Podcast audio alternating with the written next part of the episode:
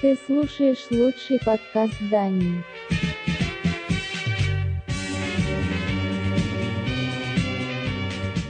Музыкальная милиция.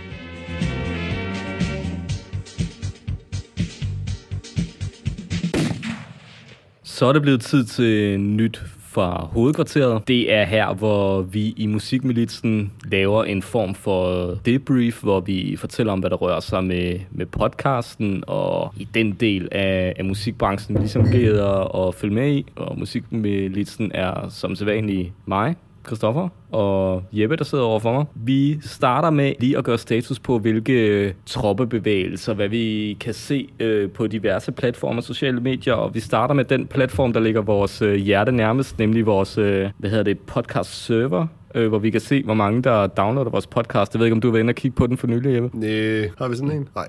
Det Ja, er, den- du, du kigger jo på den hele tiden. Det er dig, der skriver sådan noget med, at vi har så og så mange downloads. ja, det er faktisk rigtigt. Nå, men Nå, vi- hvad, hvad, hvad, må jeg prøve at gætte? Uden lige at være inde. Hvor mange, altså, vi skal gætte på, hvor mange downloads vi har dags dato på vores server. I, ja, det, det, kan, det kan du gætte på først. Så siger jeg, vi har 7.895. Ej, det er fandme tæt på. Sådan 100 plus. Vi er på 7.997 Sådan, mand. all time. Hvor mange tror du, vi havde i går? Er det det, du lige sagde? Nej, nej i, altså downloads i går. Kun i går. Nå, øh, 5. 11. Så for satan, hold da kæft, mand. Okay. Det er jo ret vildt at tænke på, at, at der alligevel i går har været 11, der har downloadet vores podcast. Altså, jeg, jeg føler jo lidt, at vi er... Jeg siger ikke, at vi er et lavt territorium, men vi finder heller ikke langt fra. Altså, jeg vil sige, at vi, vi udgiver podcast til et meget snævert og meget øh, trofast publikum. Ja. Det er vi glade ved. Hvis jeg kigger på, på det, der er sk- øh, skrivende stund af vores øh, sådan seneste fem afsnit, der må man jo sige, at det er Knækstil 1, der, der ligesom har scoret højst. Øh, Men det er også fordi, vi er så positive. Der er så mange boomer, der synes, det der er fantastisk. ja, altså i den første måned, der har den fået 272 downloads. Holy fuck, er det rigtigt? Ja, øh, og den første uge fik den 176. Hvad med Knæks 2? Det, det, øh, det var faktisk det er ikke så langt fra. Øh, altså nu, nu tror jeg ikke helt den Så første det vil sige, at, måned. at det kan være, at vi kommer op og matcher alle dem, der faktisk gik ned og købte just til Hammerfedt-pladen. Det tror jeg, men jeg tror, vi er fat i noget med det med boomerne. Bort, bortset fra det, så, så var der faktisk ikke vildt mange, der downloadede uh, Savage Rose, hvilket er sjovt, fordi vi fik vildt meget opmærksomhed på det der opslag. Men, Altså, hvis man nogensinde vil, vil se, hvad, altså, at folk, der sådan, faktisk sådan, er virkelig blevet sure på os, så skal man gå ind i den gruppe, der hedder, hvad hedder den, Vi elsker 70'er musik. ja, ja, vi, Noget af den dur. vi var udsat for en form for, for boomer-angreb på Ej, det Facebook. var, det var fedt. Der var, der var en kernelytter, der havde delt vores podcast inde på den her gruppe med folk, der kun kan lide 70'er musik om Savage Rose. Hold nu kæft. Altså, den fik jeg ikke for lidt. Jeg er næsten ude i, at man skulle lave sådan et... Øh, altså, det, det er jo den perfekte PR for vores podcast i virkeligheden, ikke? Ja. Altså, Kan du huske noget af det, der blev sagt, eller er vi nødt til at finde det? Nej, jeg tror, at det, altså, jeg kan huske, at der blev sagt en hel masse om, at du i hvert fald var helt forkert på den med, at Alex Riel, han ikke kunne markere et slagene. Hvad fanden vidste du om overhovedet om, om rigtig musik og sådan noget? Og så, så blev der sagt en hel masse om, at ungdommen nu til dags var nogle af dem, at de kan brøle, men de har ikke nogen tænder og sådan noget. Hvor at, var- det var så sjovt. Det var sådan, I har jo ikke lyttet til en Savage Rose-plade i 50 år. Vi har lige siddet og lyttet helt lortet igennem. Ej, det var- og, og i øvrigt, så synes jeg jo også, at den anmeldelse er jo sådan, altså det er jo vores holdning til det. De må, altså hvis de stadigvæk kan finde noget værdi i en Savage Rose plade, så, så skal de da bare lytte til dem. Altså, men, men det var fandme grineren, og øh, Altså, der var, der var faktisk en lytter, der, der havde skrevet ind, øh, Øh, og ligesom gjort opmærksom på, at han er del af den der gruppe, og det var, det var super pænt af ham. Øh, og han sagde også nogle penge ting om os derinde, øh, blandt andet, at øh, det var meget interessant, altid interessant at høre, hvad, hvad unge mennesker mener om den musik, vi hører. Altså, jeg synes, det er meget fedt, at vi stadigvæk går i kategorien unge mennesker. Altså, men det kan jo selvfølgelig godt være for folk, der er 75, så er vi jo nok stadigvæk temmelig unge. Men jeg, altså, jeg må også sige, at han var, han var jo også meget reel, ikke ved at sige, at, at han havde delt den på den her gruppe, velvidende, at der nok ville komme et ramaskrig om, at der var overhovedet nogen, der vågede at sætte, altså, stille et kritisk spørgsmål til Savage Rose. Det bad vi måske også lidt om, men altså, jeg, jeg kan ikke finde ud af, om det er galt eller, genialt. Altså, jeg synes, det fede det er jo, at der er flere kommentarer på det der, end der er folk, der har lyttet til det afsnit. Så det vil Ja. sige, der er jo nogen, der har kommenteret på det, uden at lytte til afsnittet. der, var- der var også sådan nogle lidt, nogle, jeg tror, de har misforstået nogle ting, øh, dem der rent faktisk har lyttet til afsnittet. Altså om Savage Rose eller om vores afsnit. om vores, vores afsnit. Altså, der er en, der skriver, de mener, at Savage Rose var en dårlig overflødig kopi af Jefferson Airplane. Mig bekendt er der ingen eksplicit relation mellem de to bands. Øh, nej. Det var jo vist heller ikke det, vi sagde. Hvor, hvor man tænker, ligesom vi har ret til vores mening, har de selvfølgelig også ret til deres mening derinde. Men altså, vi, øh, vi er glade for al opmærksomhed, og jeg, jeg tror måske, at, øhm, af, af boomer-segmentet. Jeg kan ikke finde ud af, om det er det, vi bør satse på. Måske vi simpelthen bør droppe alle de der afsnit om, om nye kunstnere osv., så, videre, så bare rendyrke køre på... Øh... Men mindre selvfølgelig, at det er sådan indvandrerkunstnere, så kan det også godt være, at vi får en, nogle hug på de der boomer-sider. Hvis vi helt vildt godt kan lide Nå ja, fordi, Outlandish eller sådan noget. fordi du tænker, at de ikke er så meget for kulturberiger, den slags. Altså, det skal vi jo nødt generalisere sådan en hel boomer-generation, men det, jeg synes, at det er meget andomligt i hvert fald, hvordan at nogle af de kommentarer, der er kommet på blandt andet Savage Rose, det handler enormt meget om øh, sådan nogle ting. Ja, de bliver meget personlige. De bekræfter lidt de der fordomme, at det, at det er i, i bund og grund de der boomer, der, der er værst Øh, i ja. metoden på nettet. det er ret Det interessant. handler med sådan vrede emojis og sådan nogle ting. Der, der, altså, jeg synes også, det der er meget andommeligt ved, ved den der, øh, nogle af de kommentarer, der er kommet på det der, det er, at folk simpelthen ikke ejer sådan ironi. Det kan godt være, at vores sarkasme, den er sådan, øh, at den er for nogen svær at forstå. Ja. Men altså, helt ærligt, vi snakker, det er jo ikke nogen, der er døde, vel? Vi- Det er, det er musik, vi snakker om. Det er folk, der har udgivet plader, og så lytter vi til pladerne, og, og ser, hvad de ellers sådan har udtalt sig om ting og sager, og så forholder vi os til det. Ikke? Og jeg vil så også våge den påstand og sige, at jeg synes, at, at vi måske også har et grundlag at gøre det ud fra, som, øh, som er egentlig sådan holdbart nok. Altså, Ja så kan det godt være, at folk synes, vi er nogle idioter og sådan nogle ting, men jeg tror egentlig også, det er meget lang tid siden, at, at mange af dem, der udtaler sig, sådan ligesom har sat Refugee på og bare lyttet til den back to back og tænkt, det her det er den bedste plade, jeg nogensinde har lyttet til, eller Your Daily Gift eller sådan et eller andet, og tænkt, wow, den her intro til Mal- med, hvor, vi, hvor vi hylder øh, Ja. ja. Malcolm X, det, det er sgu da, hold kæft mand, det er bare spot on i 2021. Men Jeppe, ikke? apropos, øh, kan man sige, lidt negativ kommentar, Nå ja, så er der jo, har vi jo lidt et smertensbarn. Vi har i skrivende stund fået fem anmeldelser øh, i iTunes. det vi, sæber ikke meget. Nej, det er nemlig ikke særlig meget, og derfor gør det rigtig, rigtig ondt, når nogen har givet os en stjerne, for vi har pt. et snit på 3,5. Øhm, og Men okay, på og den i, side, i kan, man, kan man se, hvad de har skrevet på, den, på en stjerne? Nej, man kan godt give en stjerne ud og skrive noget. Altså, vi har fået en øh, positiv anmeldelse. Øh, Det kan jeg en, vi kender. Ja, det, det, er er Kenneth, far. det er Kenneth fra, fra mig og min ven podcasten, som man i øvrigt øh, skal høre en rigtig, rigtig, rigtig, sjov og fin podcast, øh, som Kenneth laver, øh, min kammerat Jacob. Men, i- men i hvert fald, jeg vil bare gerne sige, at en anmeldelse, et snit på 3,5, vi kunne lige så godt lade være med at lave den podcast i iTunes sammenhæng, fordi vi havner helt nede i algoritmen. Så hvis I synes, at vores podcast er dårlig, så skal I være med at, foretage noget som helst. så, der, Men mindre I gerne vil herre os. der, fordi, så sker der ingenting, men hvis, Hvis, I, hvis, hvis, I hvis, gerne... du, hvis du er født mellem år 1945 og 1956, og du ikke bryder dig om, at vi siger grimme ting om Savage Rose, så må du godt give os en stjerne. Men hvis du er uden for den kategori, så bare lad Du, være med eller, at eller, fortsætte eller med endnu bedre, lad være, med at, lad være med at gøre noget. Men hvis du godt kan lide os, hvis du godt kan lide, at andre skal lytte til vores podcast, så gå lige ind og give os fem stjerner. Hvis du sidder lige nu med en, øh, med en iPhone, hvis du lytter på en iPhone, lige nu, når du lytter podcasten, du kan bare gå ind i din afspiller og lige bladre ned, og så kan du trykke på den fem stjerner, og så, så er det det. Og det betyder sindssygt meget for os. Så det må I meget gerne gøre. Vi beder ikke om meget i den her podcast. Vi har ingen reklamer, vi tager ikke penge eller noget som helst. Men lige det der, det må I sgu gerne gøre for os. Musikalne militia. Så rykker vi videre til, til næste segment, der er, kan man sige, det er jo ikke på den måde en aktuel historie, men det er alligevel, øh, kan vi sige, vores bud på DR2 Deadline, eller, eller Tema Lørdag, eller måske øh, Weekendavisen, hvor vi tager øh, nogle, nogle gange lidt gamle nyheder og taler ud for dem. Og jeg har taget en, øh, en historie med fra øh, det hedderkronede øh, netmedie Devolution, og de af der ikke kender det, det er... Jeg vil faktisk sige, folk, der ikke kender Devolution og godt kan lide rockmusik, så det skal man kende.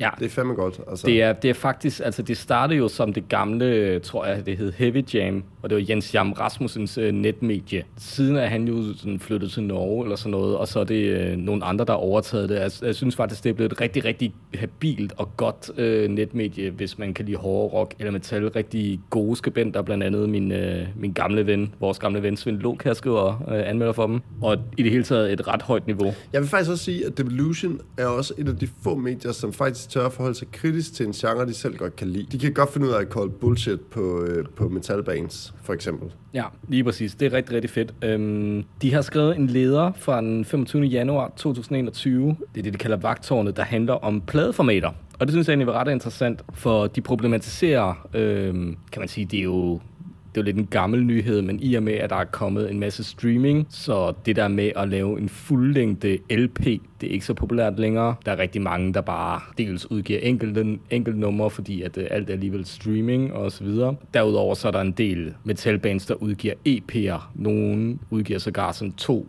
EP'er i rap af hinanden, i stedet for et samlet album, fordi så kan du ligesom skabe opmærksomhed to gange, og måske doble salget om to gange. Og, og hvad kan man sige, de, de lederen skriver lidt ud fra det, hvor de taler om, måske, om man i virkeligheden går glip af noget ved, at man ikke længere laver et helt album, at man laver de her sådan kortere, kortere øh, EP'er, hvor man egentlig bruger et format, EP-formatet, der måske er forbeholdt en eller anden form for, kan man sige, afstikker, hvor man tidligere kunne lave en EP, hvor man tester noget af, så bliver EP'et det nye LP-format.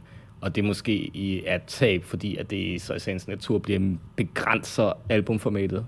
Jeg ved ikke, hvad du er jo stadig udøvende musiker. Hvad tænker du om det? Altså, helt personligt kan jeg sindssygt godt lide EP-formatet. Jeg kan godt lide det, fordi at det er sådan, EP'en lover ikke for meget. Og EP'en er relativt hurtig at eksekvere, og en EP kan jo fange en utrolig meget ind. Jeg synes ofte, at en single ikke sådan nødvendigvis vidner specielt meget om et bands retning, eller hvad det er, de gerne vil. Altså, men der er jo talrige eksempler på en eller anden single med et band, og så er det det, de bliver kendt på, men i virkeligheden så er bandet alt muligt andet. The Rumors at Fire for eksempel er et godt eksempel på, at de havde The Balcony, men bandet var slet ikke The Balcony. Altså når de spillede live, det var noget helt andet, ikke? Men det var ligesom den single, de var blevet kendt på. En EP er alligevel et format, der formår sådan at tease. Og et EP er jo også et rigtig godt format i forhold til, til for eksempel SoundCloud. Sådan i hiphop-universet ofte, opererer man jo ofte med mixtapes, som jo er de der 25 minutter lange, ikke? Øh, som er sådan en collage i virkeligheden teaser på en eller anden måde. Ud fra sådan et promoveringspoint of view, så er der selvfølgelig også en sandhed i, at lige for tiden, så går ting voldsomt stærkt, og mindre du er et band, der sådan er ude at spille mange shows, og kan sælge mange plader, når du spiller shows, så er det også øh, sådan en relativt stor investering, hvis man selv skal gå ud og lægge, lad os sige, 10.000 kroner bare i at få trygt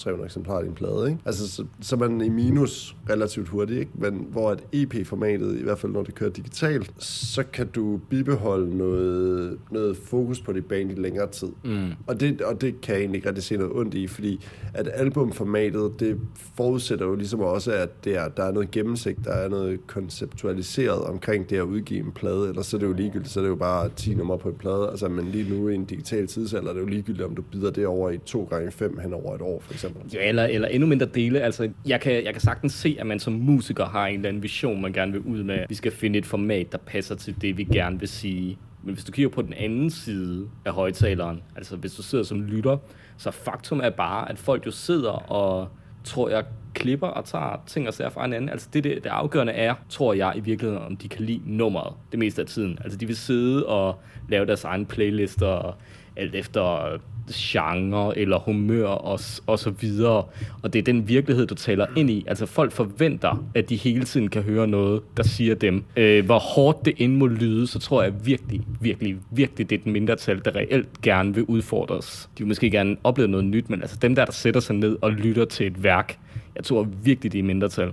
Og jeg tror, man skal jo. passe på med at have den der indenfra ud tankegang. Det, det tror jeg, der er fuldstændig ret i, og jeg tror mere det der med, sådan, at hvis, hvis du skal lytte langt hen på en plade, helt generelt, om det så er digital, eller på vinyl, eller på CD, eller sådan noget, så skal der jo være et eller andet, der gør, at du vender pladen og lytter videre, øh, eller lytter videre hen på din CD, eller du ikke bouncer videre til et eller andet andet, eller browser videre til noget andet på dit Spotify. Og så tror jeg bare, at EP'en i virkeligheden, det er jo, det er jo et format, vi godt kan overskue, fordi at det måske er 15 minutters musik max. Ikke? Altså, og jeg kan jo egentlig også et eller andet sted ret godt lide, at der også sådan relativt store bands udfordrer ved at og sådan omfavne EP-formatet. Altså man kan nævne sådan noget som Ghost for eksempel, har jo lavet nogle EP'er, hvor de laver nogle ting, som er sådan virkelig whacked og underligt, og, og sådan ude af trit med, hvad de egentlig vil lave på en plade, hvor de laver coverversioner af If You Had Ghost med, hvad hedder det, Rocky Erickson og, og nogle ABBA-numre og sådan noget. Helt, helt smadrede ting. Ikke? Og det er det, som EP-formatet jo også kan. Ikke? Mm. Altså det er, at du kan lave den der, det der twist. Det, som i virkeligheden måske vil øh, sådan i gamle dage ligge på B-siden på en, på en plade. Ikke? Mm. Vi kender begge to Turbo Negros, øh, eller hvad hedder det, øh, Bad Afros forsøg på at få Turbo Negro øh, ind på, på deres label og, og lave et eller andet. Og så fik de sendt, hvad var det, Suffragette City cover på A-siden, og så på B-siden der lå sådan et, hvad det, det der, hvor han leger mongol. ja. det er sådan virkelig stenet, hvor han... Kærligheden spot? Ja, hvor, hvor han boede ved Kastania og sådan noget. Ja. Det er helt fucked. Altså, så bare sådan en monolog, hvor det bare er, hvad det, er det Hank fra, fra helvede der? Nej, jeg tror, det er, det kunne også være Happy Tom. Det plejer at være ham, der er den show. det kan godt være, det er det. Som Men i hvert fald, det, det er bare sådan helt smadret, og bare sådan fire minutters monolog, som er helt udkogt, ikke? Som, mm. som er på B-siden, og, og Bad jo ikke rigtig gøre andet end bare udgive det. så, så er den ligesom også bare blevet kult i nogle kredse, ikke? Men er vi, er vi et eller andet sted der, hvor, hvor hele det der med at tale musikformater ud i sådan en øh, fysisk musikverden i virkeligheden er en smule nostalgisk? Nej, det synes jeg ikke, det er. Altså, fordi at EP'en er jo stadigvæk øh, voldsomt fysisk for mange, ikke? Altså, for mange er det jo også... Og mange. Altså, lige nu boomer vinylmarkedet. Altså, der er jo stadigvæk relativt mange, der tager på tur med deres bands, og som sælger fysiske kopier af deres plader. Øh, jeg er enig i, at hvis du er inde i sådan et eller andet streaming-univers, øh, hvor de hedder Gilly og sådan nogle ting, men så er det klart, at der sælger du jo ikke et eneste fysisk eksemplar af din plade. Men inden for metal, og hvis det er det, vi snakker om i forhold til Devolution og sådan noget, så er der jo stadigvæk et rimelig købestærkt publikum, som køber merch. Det har du selvfølgelig ret i. Og der kan man sige, at EP'en er jo en billig måde at få meget musik ud på, fordi at en EP kan jo trykkes på, hvad hedder det, 7-tommer vinyl, som jo alt andet lige er noget billigere. Hvis du kører en 7-tommer vinyl på 33 omdrejninger, så er der bare flere minutters musik på den. Ja. Og det er billigere at trykke det, end at trykke en fuld plade. Og det er nemmere at have med. Det var jeg ikke lige så meget. Men, men man kan selvfølgelig sige, jeg tror ikke, det er helt det der, at du et eller andet sted gerne vil hen. Altså, det er jo sådan EP'en som format. Altså, hvad, hvad Nå, er det egentlig også, jamen, jeg, jeg, jeg, jeg, synes bare, at det måske... Altså, man må også bare indstille sig på, på, en, på en fremtid, hvor, hvor alt jo er digitalt, og streaming det andet er jo en souvenir et eller andet sted. Men det er det jo også nu. Altså, jeg tror da ikke, der er nogen... Af, altså, så skal du med med at være vinyl-entusiast. Det er lidt det, jeg mener, så jeg, jeg synes måske også, det er sådan lidt... Det er jo også en ting op i vores hoved, at vi tænker, at musik skal stykkes sammen i de her værker af en eller anden pakke, en eller anden længde. Nå, jamen, altså, altså det man, hvis man nu taler om sådan den teknologiske reproduktionsmuligheder, som jo er det at kunne genskabe musik, eller genskabe lyd i det hele taget, så har den jo altid været begrænset af, hvad der kunne komme ind rent fysisk. Mm. Det har gjort, at det, som vi to for eksempel kender som sådan den progressive symfoni, for eksempel, mm. ikke? altså de der Genesis-plader, eller hvad fanden jeg ikke, som strækker sig over fire LP-sider, det var stadigvæk noget, som skulle koges ned på sider af Ja, maks 20 minutter, ikke? Lige præcis. Altså, formatet begrænset. Ja, lige præcis. Og det format, det kan man jo sige, at det, det er jo en uskøn måde i virkeligheden, at det der er sådan op igennem øh, 90'erne, hvor at, at altså, jeg kan godt lide Tool som sådan, men jeg synes også, at Tool-plader er sindssygt lange. Altså, jeg synes ikke, at, jeg synes ikke, at Enema er en genial plade fra A til B. Jeg tror bare, jeg synes, at Enema var federe, hvis den bare havde været 40 minutter lang, for eksempel. Det er sjovt, du nævner Enema, for jeg synes, at Let Raiders er jo endnu værre. Jamen, ja, ja, altså nu, tag, nu tror jeg også bare, at den plade, jeg synes, der var den bedste af dem, men, men jeg, jeg, jeg giver dig ret, ikke? Altså, men kan du også godt forestille dig, at hvis de havde haft det handicap, der hedder, at formatet mm. begrænsede dem, mm. at de blev nødt til at overveje, om det her det skulle være to plader eller en plade, og hvis det var en plade, så kunne den kun være så så lang, fordi det er det, vi ja. kan skære ned på den, ikke? Hvor det stadigvæk er en vis kvalitet, som man faktisk godt gider at lytte til, ikke? Jo, jo, det har, det har været det der benspænd. Jeg synes, det er det sjove, at, den slags, at tingene er cirkulære. Ikke? Altså, mm. i helt gamle dage, så købte folk singler, fordi de ikke havde råd til mere, og det var radio og så videre. Det var det, som, som alting var bygget op omkring. Jo, men altså, det er jo også sjovt at tænke på, at vi har et popformat, der hedder vers omkvæd, eller vers, vers omkvæd, øh, måske B-stykke, og så omkvæd, omkvæd, og så det slut, ikke? Det er jo bygget op om øh, det benspænd, der var, at der kunne være de der 2,5-3 minutter på en singleplade. Ja hvis der havde kunne være 5 minutter på en singleplade, eller 6 minutter, og det lød godt, så tror jeg også, at popsangen havde varet 6 minutter. Det, det, er, jo, det er jo en sjov måde, hvor, hvordan vores hjerne sådan ja. at, ja, at vi, vi siger, at vi har en eller anden norm, men normen er jo i den grad til forhandling, når vi så kommer længere op i 60'erne og 70'erne, ja. Hvor folk begynder at lave længere værker i sådan mm. rytmisk musik. Ja. Og med det perspektiv tror jeg, vi lukker øh, mit emne for i dag. Musikalne militia. Så er vi nået frem til øh, det næste segment, der er måske lidt specielt. Det er det, vi kalder en, øh, en plade for fortiden, hvor Jeppe og jeg skiftes til at præsentere hinanden for et album, der har haft en eller anden betydning for os på et tidspunkt i vores liv, og så taler vi lidt om, øh, hvorfor den, der har præsenteret albumet, synes det er vigtigt, og modparten får mulighed for at lytte det igennem og, og komme med en anmeldelse. Og jamen, Jeppe, lad mig starte med at høre, hvad er du, øh, hvad er du med til mig i dag? Og Ja, men jeg, vil, jeg, vil, jeg, det? vil, jeg vil øge spænding ved at sige, at de, øh, vi skruer simpelthen tiden tilbage til cirka 1998. Og øh, der går en 13-årig Jeppe rundt i øh, lidt syd for Aarhus og har langt hår og kan egentlig rigtig godt lide rockmusik øh, sådan helt generelt, men øh, er måske ikke... Øh, har måske ikke haft muligheden for sådan at dykke for alvor ned i nichepladerne rundt omkring, og for alvor sådan danser et indtryk af, hvad der sådan for alvor er fedt. Ikke? Altså, det, det er sådan, man, har, man udvider jo gradvist sådan sin horisont inden for musik også, øh, og hvad man bliver præsenteret for. På det her tidspunkt i 1998, øh, det er faktisk ret skilsættende for mit vedkommende, fordi at det var da jeg for alvor begyndte sådan at tjekke mine forældres gamle plader ud. Og øh, jeg havde fået købt mig en pladespiller til mit eget værelse, Øh, så kunne jeg bare gå fuldstændig bananas i fed musik. At jeg har cirka 75 plader, mine, øh, mine forældre de ejede på det tidspunkt. Og nogle af de plader, jeg fandt, det var jo sådan nogle, der gav det sig selv. Ikke? Det var sådan nogle, altså, selvfølgelig røg ACDC med ned på mit værelse sammen med, du ved, de fire første Led Zeppelin-plader og de Purple-samling og sådan nogle ting. Ikke? Det der, man kendte, ikke? Men nogle plader, dem kendte jeg jo sådan set heller ikke. Og dem tog jeg bare ned på værelset udelukkende på grund af coveret og gav dem et lyt. En af dem, det var Stand Up med Jeffro Tull. Og min 13-årige jeg blev simpelthen totalt væltet om kul. Jeg ved det godt. Jeg, jeg ved det godt. Men I må også bare tænke på, at på det her tidspunkt, der var det sgu ret fascinerende, med den der fløjte og deres hippie-tøj, deres lange hår og sådan blanding af hippie-musik og prog så et par måneder efter, da jeg stod og så skulle beslutte mig for, hvilke plader jeg skulle købe for min surt opsparede, øh, hvad hedder det, avisbuds øh,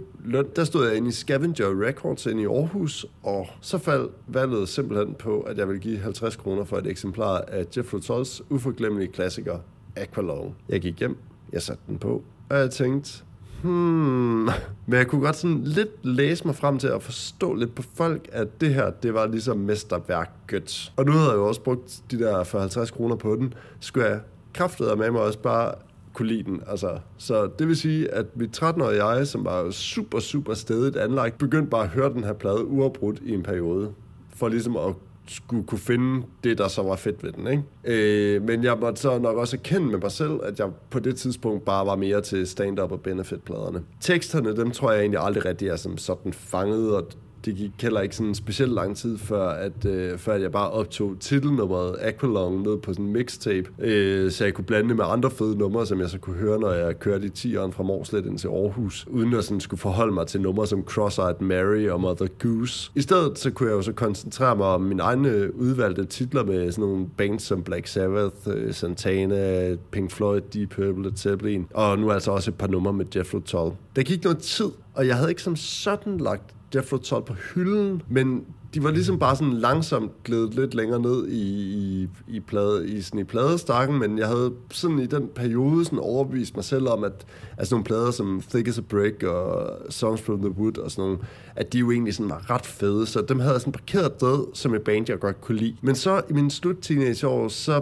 begyndte Jethro Tull eventyret sådan for alvor sådan at, at ebbe ud, og jeg begyndte egentlig også bare at lytte til noget ny musik. Og Jethro Tull, de røg simpelthen ikke på pladespilleren længere. Pladerne, de røg endegyldigt ned i B-samlingen dagen efter, jeg havde mødt Ian Anderson efter en koncert, som jeg arbejdede under, da jeg var cirka 20 år gammel. Fordi, lad mig sige det her, fuldstændig røg for udsødet. Den mand, han er en fucking narrøv idiot. Så sidder man så her en hel del år senere, og under en musiksnak, jeg havde med en kollega for noget tid siden, så faldt snakken på Jeff Tull, og han, han var simpelthen, han var, der var simpelthen julelys i øjnene. Han springer op, og han er han har bare fået sådan en Eureka-oplevelse, fordi han har bare fundet det her band, han har aldrig hørt om dem før. Og alle i det kollektiv, han bor i, de har ligesom sådan fundet det her band, og de, bare, de sidder bare og skamlytter det for hårdt, ikke? Og så, altså, jeg er helt sikker på, at jeg, jeg bare sådan har mobbet, og så kommet med sådan nogle sådan lidt flabede kommentarer, som sådan, at det er totalt overvurderet band, og Ian Anderson, han er en utilregnelig idiot, og stand-up, det er måske den eneste plade, hvor der bare sådan er et par hederlige numre på, og så videre, og så videre, og så videre, og så videre. Alt det der negative shit, man nu kan komme med, ikke? Men på den anden side, så måtte jeg jo også sådan erkende, at manden, han har fundet et band, og han har fundet et nyt band,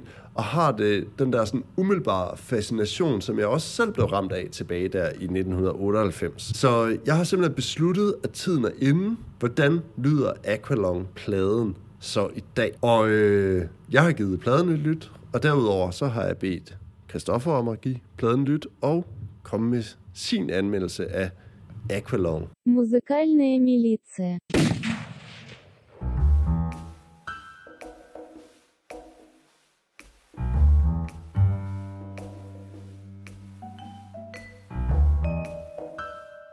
Ja, jeg har som sagt øh, lyttet til Aqualong. Hvad kan man sige? Det er svært at tænke på Aqualong, eller for den sags skyld Jethro Tull, uden at tænke på det ikoniske åbningsriff i titelnummeret. Ja, yeah. det lyder ganske vist som hvis Black Sabbath optrådte på et middelaldermarked, men i bandets øvrige metervareproduktion af fløjtebaseret folk rock står Aqualung som en monolit, altså titelnummeret. Jeg husker tydeligt første gang, jeg hørte Aqualung, altså titelnummeret. Jeg stod i Vostrups ikoniske sortmalede teatersal. Vi var sikkert i gang med forberedelserne til endnu et teaterstykke, der altid balanceret på en trebenet skammel af nylonstrømper, magtkritik og et lemfældigt forhold til ophavsret. Martin Bars guitar gjaldede fra en ghettoplaster på gulvet. Jeg gik hen og kiggede på CD-coveret. Det forestillede en ko på en mark, og jeg genkendte det som Atom Heart Mother med Pink Floyd. Et band, som jeg på det tidspunkt stadig havde hørt mere om end med. Kan vi ikke høre noget andet end Pink Floyd? spurgte jeg Emil Jervin. Det er ikke Pink Floyd, svarede han.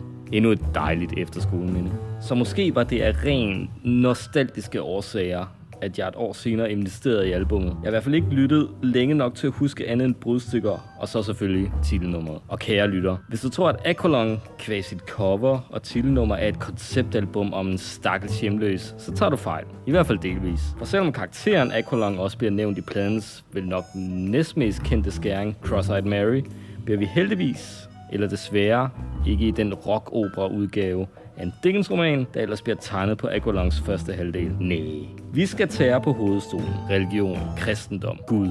Fian Anderson har gennemskuddet det hele. Mystikken, hyggeleriet, TUDC-problemet. Hvis Gud er god, hvorfor lider de uskyldige så? Med samme intellektuelle pondus som dansk stil, skrevet aften før afleveringen af en bagstiv 3.G'er, gør Anderson i rette med Gud, Jesus og sin gamle skoleinspektør, der i hvert fald ikke skal prøve at trække ham i søndagsskole. En slags forløber for Roger Waters pinligt narcissistiske børnemagtshymne Just Another Brick in the Wall, del 1, 2, 3 eller hvad det nu er. Jeg er ikke medlem af Folkekirken, men når jeg hører Ian Andersons barnagtigheder, kan jeg ikke lade være med at overveje voksendåb. Især når teksterne ledsages af et musikalsk akkompagnement, der gerne vil være Tommy med det hue, men mest af alt lyder som indianermusikken i Disneys Peter Pan, der netop er blevet erklæret uegnet til børn. Den samme advarsel burde man måske også sætte på Aqualung. Og selv modne lyttere bør overveje at udforske Jethro Tulls øvrige bagkatalog. For skal man tro det megalomaniske interview med Ian Anderson, der er finde på CD-udgaven af Aqualung, er nærmest alle bandets øvrige frembringelser nemlig meget bedre. Музыкальная милиция.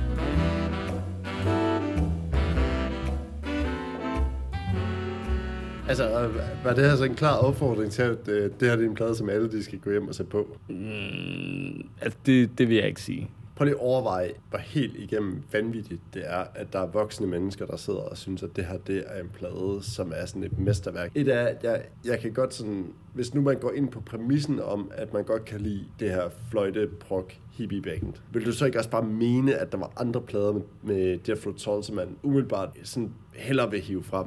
Hvis vi snakker produktion, vi snakker sangskrivning, vi snakker tekstunivers for eksempel. Ikke? Og så vil jeg sige, at Benefit og Stand-Up stadigvæk for mig vil være plader, hvor jeg vil sige, dem vil jeg til enhver tid hellere lytte. Altså hvis man kunne mute alt fløjte på dem, så tror jeg faktisk, det er hederlige hippieplader. Jeg synes i hvert fald, at Aqualung fremstår... Jeg, jeg synes, den er enormt clunky. Altså, Helt vildt, mand. Men det er da gumpetung, mand. jo, og, og, det er jo ikke bare, du ved, altså musikken, altså produktion, som han jo selv er meget kritisk overfor i det der interview. Ej, men det her, det da også noget pis. At det der med, at han sådan sidder og siger, at men, om vi havde kun det der studie, de der studiemuligheder, og så var det ligesom ikke rigtig andet at gøre, og så var det bare sådan, det var. Og det var sådan, ej okay, sød ven, det er, det er jo ikke bare det, der er. Altså, I skal jo også, altså, det, det er det jo ikke. I kunne godt droppe det der lort efter en uge, og så vælge noget andet. Altså, det havde I muligheden for. Måske var det bare, fordi han synes, det var fedt at hænge ud med Led Zeppelin, som havde fået det gode studie. Ja, de får det lille gode. Altså, altså apropos studiehistorie, så fortalte gitarristen der, Martin Barre jo, at der var rigtig meget med, hvorvidt der skulle være meget fløjte eller guitar på Jethro Tulls plader. Så en dag står, står han og skal spille en solo på Aqualung-pladen, og Jimmy Page går forbi og sådan står og vinker, da han går forbi studiet, sådan, at hey, jeg kommer lige ind, kan vi lige øh, stoppe optagelserne, kan vi lige snakke sammen? Og han bliver bare ved med at spille, ham der Martin Barre, og Jimmy Page står bare og vinker sådan helt forbi, så kom nu for helvede. Har du set mig, men han bliver bare ved med at spille, fordi han tør simpelthen ikke at spille fejl, fordi han bare ikke kan leve med, at der kommer endnu en fløjtet solo. altså, det er jo meget en dobbelt mand, der så har spillet med i bandet i cirka 50 år, efter det der, ikke? Altså, Jethro Tull er jo også en underlig størrelse, ikke? Altså, for eksempel de, de sidste gange, de sådan har spillet live i landet, der er det jo, altså, Jethro Tull er jo efter sine sådan et, et, et altså sådan et gåseøjne, altså virkelig gåseøjne med gåseøjne ovenpå, et kollektiv, hvor at øh, man har øh, Alpha-han, som er Jan, Jan Anderson, og så er der cirka en 20-25 musikere med i Jethro Tull, som han så hiver ind på forskellige turnéer, blandt andet Martin Barre er stadigvæk med, ikke? Altså, det er jo sådan en rent tilfældigt, om man sådan ser ham til en koncert, fordi at Jethro Tull bare består af en hel masse forskellige musikere. Det er sådan en brutotrup, nærmest. Ja, men fuldstændig. Og jeg synes egentlig også, at når man sådan lytter til, til Jeffrey, eller til Aqualung, så kan man også godt høre lidt, at det her brud sådan sker fra, at det var sådan et band, til at det blev Ian Andersens soloprojekt. Men Ian Andersen, han er, han er en fed fyr, eller hvordan, Jeppe? Ej, han er en idiot, mand. Fuck, nej. Altså, jeg, jeg, jeg har slet ikke ord for, for sådan at beskrive, hvor kæmpestor en idiot han er de gange, jeg har mødt ham. Altså, det, det er sådan helt sindssygt. Altså, han har, nogle, han har en, han har en vanvittig, vanvittig perception af verden og sit eget ego. Altså, det er helt hjernedødt. Selvfølgelig, når man, når man spiller koncerter, hvor at folk synes, det er vildt fedt, at man spiller sådan hele Minstrel in the Gallery og står, altså sådan, rejser sig op og står og klapper af det. Altså, det er klart, at ens øh, sådan, personlighed lider et knæk, ikke? Altså, sådan på et eller andet plan, at man bare bliver megaloman. Altså, det er da klart, selvfølgelig gør man det. Men altså, manden, han spiller fløjte, ikke? Altså, og så ligner han så ligner han en af dem, der sidder ude for et mænds hjem på de der 70'er plader. Jeg har faktisk tænkt på, altså, er Aqualung sådan en måde, han sådan øh, undertrykker nogle af sine egne sådan, øh, fetischer? Er det sådan en måde at komme ud over sådan, øh, sine egne perversioner? Når det der med Sitting on a park bench. Iron Little Girls. With bad intent. Du mener på samme måde, som nogen mener, at Michael Jackson bevidst lagde sporet ud om sin personlighed. Dangerous, bad og så videre. At Ian Anderson gør det samme. Ja, det kunne man da godt få ned, jeg tror. Altså, prøv at, se på, prøv at se på coveret, og så se på et billede af Jeffrey Tull af 1974. Jeg vil sige, at, at det er en fremskrivning af sig selv, bare sådan 10 år senere, eller sådan noget. Er det sådan, det er sådan her, jeg kommer til at se ud. Altså, det er, det er jo en til en Ian Anderson på forsiden af Aqualung, ikke? Ja. Det er jo ham, der er Aqualung. Men altså, hvorfor har han vand i lungerne, hvis det er, han, han sidder og drikker helt vildt mange bajer? Er det, fordi jeg ikke er god nok til engelsk, jeg ikke fatter den? Altså, det er noget med hans vejrtrækning, ikke? Men jeg, jo, den lyder rallende, eller sådan... Øh... Men, men jeg kan bare ikke forstå, altså, han synger jo i, øh, i titelnummeret, ikke? Uh, Do you still remember the December fucking freeze when the heister clings onto your head, screaming agony? Altså, det, altså, det lyder som om, man har fået elektroshock, men det hjælper jo ikke på hans øh, skide lunger, altså.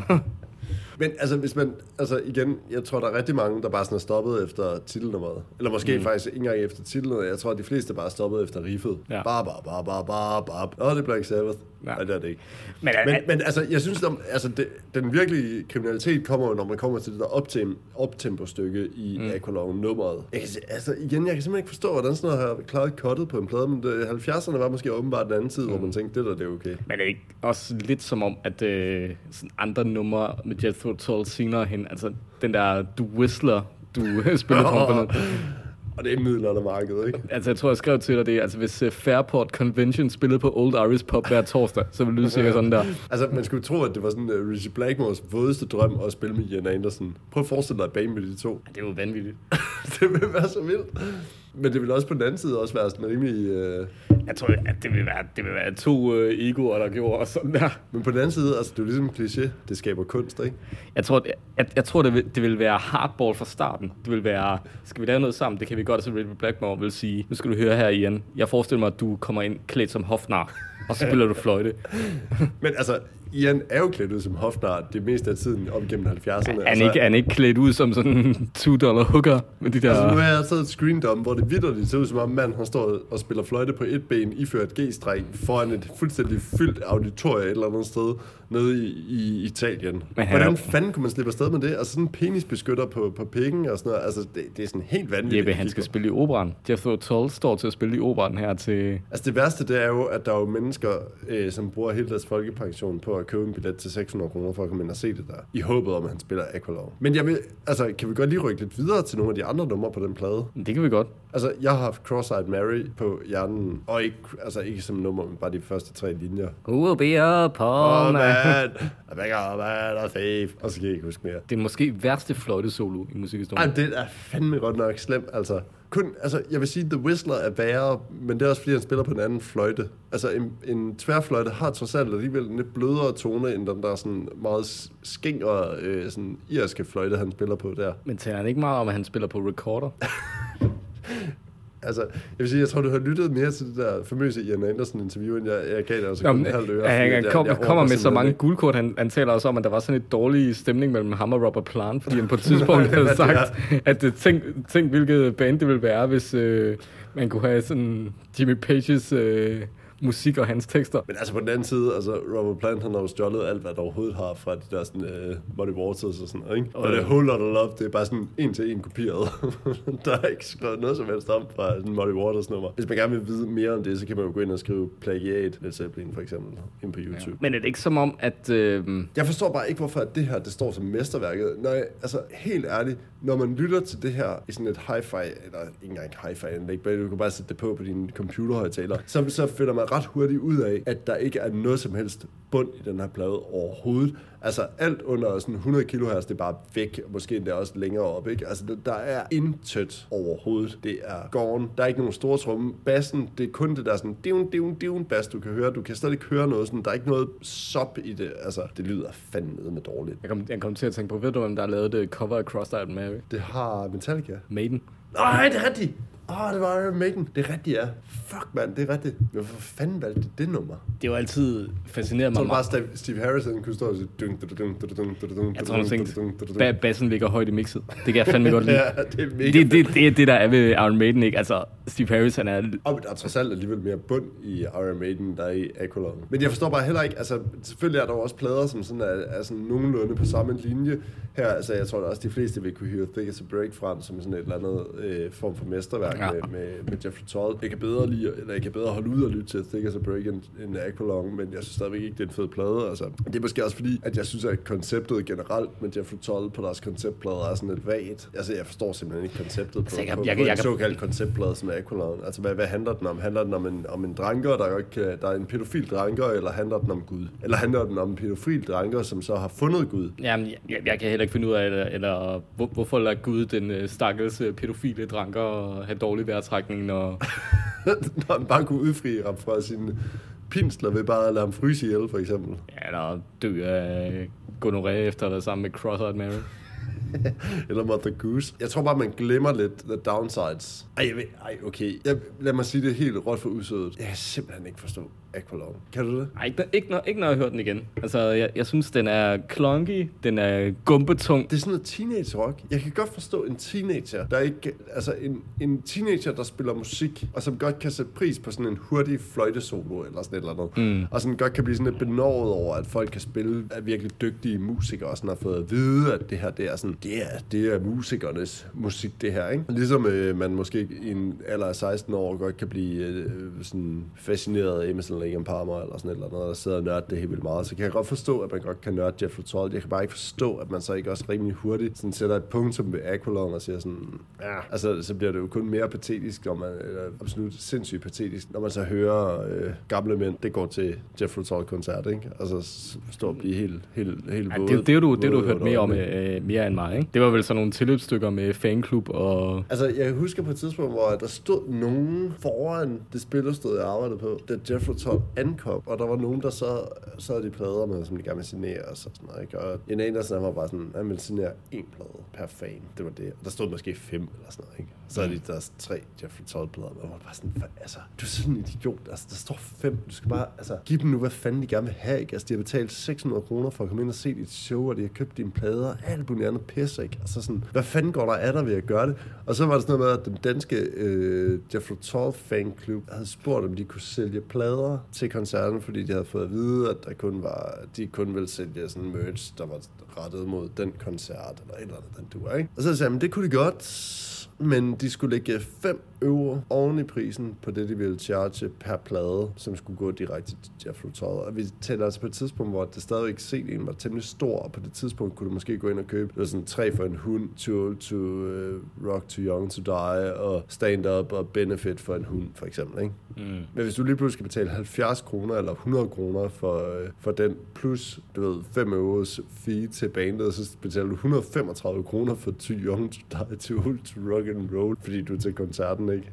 Altså, det er dumt, er der jo ikke nogen, der er. Altså. Eller måske er der. De har lige betalt 600 kroner for at komme ind og se Jeffrey Tull. Ja. Så, selvfølgelig. hvordan- hvordan var han- hvordan var hans- er måske ikke så højt. Altså. Hvordan er han så på scenen? Jeg har aldrig set en Jeff Tull-koncert. Men han var sgu meget levende, faktisk. Altså, sådan, at han, øh, han, han gav et show. Det må man give ham. Altså, jeg tror, jeg har set ham to-tre gange eller sådan noget. Var Martin Bar med? Ja, den ene gang var han. Han spiller stadig fed spade. Altså, det gør han sgu. Altså, jeg tror også, at uh, Martin Barr er den person i Jeffrey Tull, jeg helst vil sidde ned og drikke øl med. Altså, Ian Anderson, han er en klovn. Altså, det var sådan noget med, at han stod og brokkede sig sindssygt meget om, at der eller over, sådan, at det var sådan en vild krise, at øh, der ikke var et øh, væg-til-væg guld til backstage. Bare Er det fordi, han går rundt i barter eller sådan? Nej, overhovedet. Jeg tror bare, det er fordi, det er en gammel brokser, ikke? Og så havde de ganske skrevet på en writer, det var der ikke nogen, der havde læst. Altså, men hvor man bare sådan tænker, seriøst, af, af sådan idioter, jeg har mødt i musikbranchen, så de- 90 procent af dem, de er fra, de er fra 70'erne. Og de var store i 70'erne. Yes, blandt andet. Altså, deres turmanager, han var fuldstændig skingerne skør. Altså, mm. det, var, Altså- det var sådan noget, altså, Yes var sådan nogen, der skulle ind, og så skulle de have nogle bestemte flasker vin og sådan noget fra bestemte områder og sådan nogle ting. Og det havde vi faktisk også købt til dem. Og så med turmanageren, han flippede fuldstændig ud, da han sådan tjekkede backstage igennem, fordi at der var, det var med skruelåg, hvor jeg var ligesom mand, der var på, og han var, han var helt oppe i det røde felt, og bare sådan, det der, det går fandme ikke, og sådan noget. Det er lortevin, mand, det kan I kraftedeme ikke servere, og sådan noget. Og bare sådan, okay, det må du fandme undskylde, og sådan noget, og så gik jeg ned i Føtex, og så købte jeg nogle flasker vin fra Chardonnay, eller hvad fanden det var, de skulle have det fra, ja. øh, til 35 kroner stykket, uden skruelåg, og så røg de om backstage, så de der 200 kroners flasker ja. vin, de røg direkte ned på lageret igen, ikke? og han var bare så glad. Det var sådan, ah, det er så fedt, det der. Sådan, du er så dum, du fatter ikke en fucking skid, mand. Din ja. fucking nar, altså. Altså, sige, du, altså- du, er, du er sådan uintelligent ud i sådan det, det, det vanvittige, altså. Jeg har, jeg har så også øh, hørt en historie om Yes på selve scenen, at øh, senest de spillede sammen, så skulle Steve Howe, gitarristen, have, have et, sat et skilt på scenen. Han har sådan en lille tæppe, han står og spiller på, og sådan øh, sat et lille stykke tape hvorpå, der står No fat bass players here, og på det tidspunkt så Chris Squire. Men så, han, var, han, blev ret, han var blevet sådan lidt øh, stor med årene. Så det var sådan, hvordan de havde det med hinanden. Ej, men fedt og sympatisk hippieband, der er ikke altså. Men det ændrer ikke ved, at øh, min uforbeholdende mening om øh, Ian Anderson, og det var også selvfølgelig også derfor, at øh, de Jeffrey Tull-plader, jeg havde købt for, for, for 50 kroner stykket, og jeg havde faktisk alligevel formået at samle en del af dem. De røg direkte ned i B-samling, og jeg, jeg tror ikke, jeg har givet dem et seriøst lyt, siden jeg var 20. Ja. Men altså igen, altså, jeg, jeg kan da mærke, at det, det prikker i mig for at lave en øh, forbrydelse mod musikhistorien med, med Jeffrey Tull, bortset fra, der er så fucking mange plader. Jeg tænker sådan noget jeffreytull.com og Broadsword og A og sådan Har de noget. lavet en plade, der hedder jeffreytoll.com? Ja. Er det dumt. Det er sygt dumt. De har udgivet så mange plader. Der er også øh, uh, Jeff Rotal's Christmas uh, album. Altså, når man bare tænker, det, ideen om at lave det der samlede værk, hvor man virkelig sådan går til biddet på Jeff Rotal's samlede værker, det, kunne det kan jeg virkelig godt lide. Jeg kan bare, det skal bare ikke være mig, der gør det. Altså, jeg, jeg, kan simpelthen ikke, jeg kan simpelthen ikke se, hvor jeg skulle allokere den tid, det vil tage at lytte de der plader igennem. Vi har jo snakket om at lave sådan uh, Sebastian, for eksempel. Det er, han kunne også være grineren at tage, tage fat i, ikke? Han har udgivet så meget, så det er næsten sådan der selvmord at gå i gang med. Prøv på at gå i gang med den der Moon Jam, Sebastian uh, Aladdin-plade, for eksempel. det er bare sådan... Det er, altså, det er jo sådan 40 minutter af mit liv, jeg ikke får igen. Ikke? Folk ved ikke, hvad det er, vi går igennem for at lave det her. Nej, det er hårdt. Og således øh, tænker jeg, at øh, ikke mere Jeffrey Tull for nu. Altså, det kan være, altså, who knows? Det kan jo godt være, at jeg tager, hiver endnu en Jeffrey Tull-klassiker frem, og øh, vi får et, et review af Thick as a Break på et eller andet tidspunkt. Jeg vil godt lade være med det. Eller den med ham med brillerne. Lost his spectacles. Fy for helvede. Nå, øh, vi er Har nået jeg til... nogensinde sagt noget om dit skæg, i forhold til, hvordan du ligner Ian Anderson? Altså, vi, vi, vi er jo lige nu i coronatider, hvor man ikke uh, hverken kan få klippet sit hår eller trimmet sit skæg. Så altså, jeg, jeg, har jeg har valgt at gå full-blown efter... Ian Anderson. Jeg skal tabe noget mere af mit hår på hovedet. Jeg, jeg er jo egentlig lidt skuffet over, at jeg er så langt op i 30'erne og stadig har hår på hovedet. Altså, jeg vil sige, hvis man, hvis man gerne vil se noget vildt, så kan man se sådan en video øh, af en udgave af Aqualung fra 1980, hvor at Martin Barr, altså, han har, han har, øh, han har meget langt hår og meget øh, vigende hårgrænse. Ja. Meget langt skæg. De ligner alle sammen ham der på forsiden af Aqualung. Det er det fedeste look. Og så har de sådan nogle heldragter på. Du må ikke spille forkert, så kommer der en fløjte solo. fandme et pres. Nå, vi er ved at nå til slutningen af det her lille, øhm, kan man sige, potpourri af perspektiv og temaer og nyheder, øh, vi taler om. Hvad kan man forvente sig for vores hånd her den kommende fremtid? Vi har noget øh, Ja, så vi har kliché er på anklagebænken i forbindelse med musikhistorien. gasolin. Hvis den ikke er kommet ud, så, må, så, er den, så er den lige på rampen. Så hvis du... Øh, Altså, du kan jo finde majspimen frem, og så øh, gå ned på Christianshavn, og så tænker du, synes, at gasolin er det fedeste band i hele verden, eller så kan du bruge et par timer i vores selskab og lytte til vores take på gasolin. ja. Fy for satan. Det bliver hårdt. Tak fordi I lyttede med. Vi ses derude.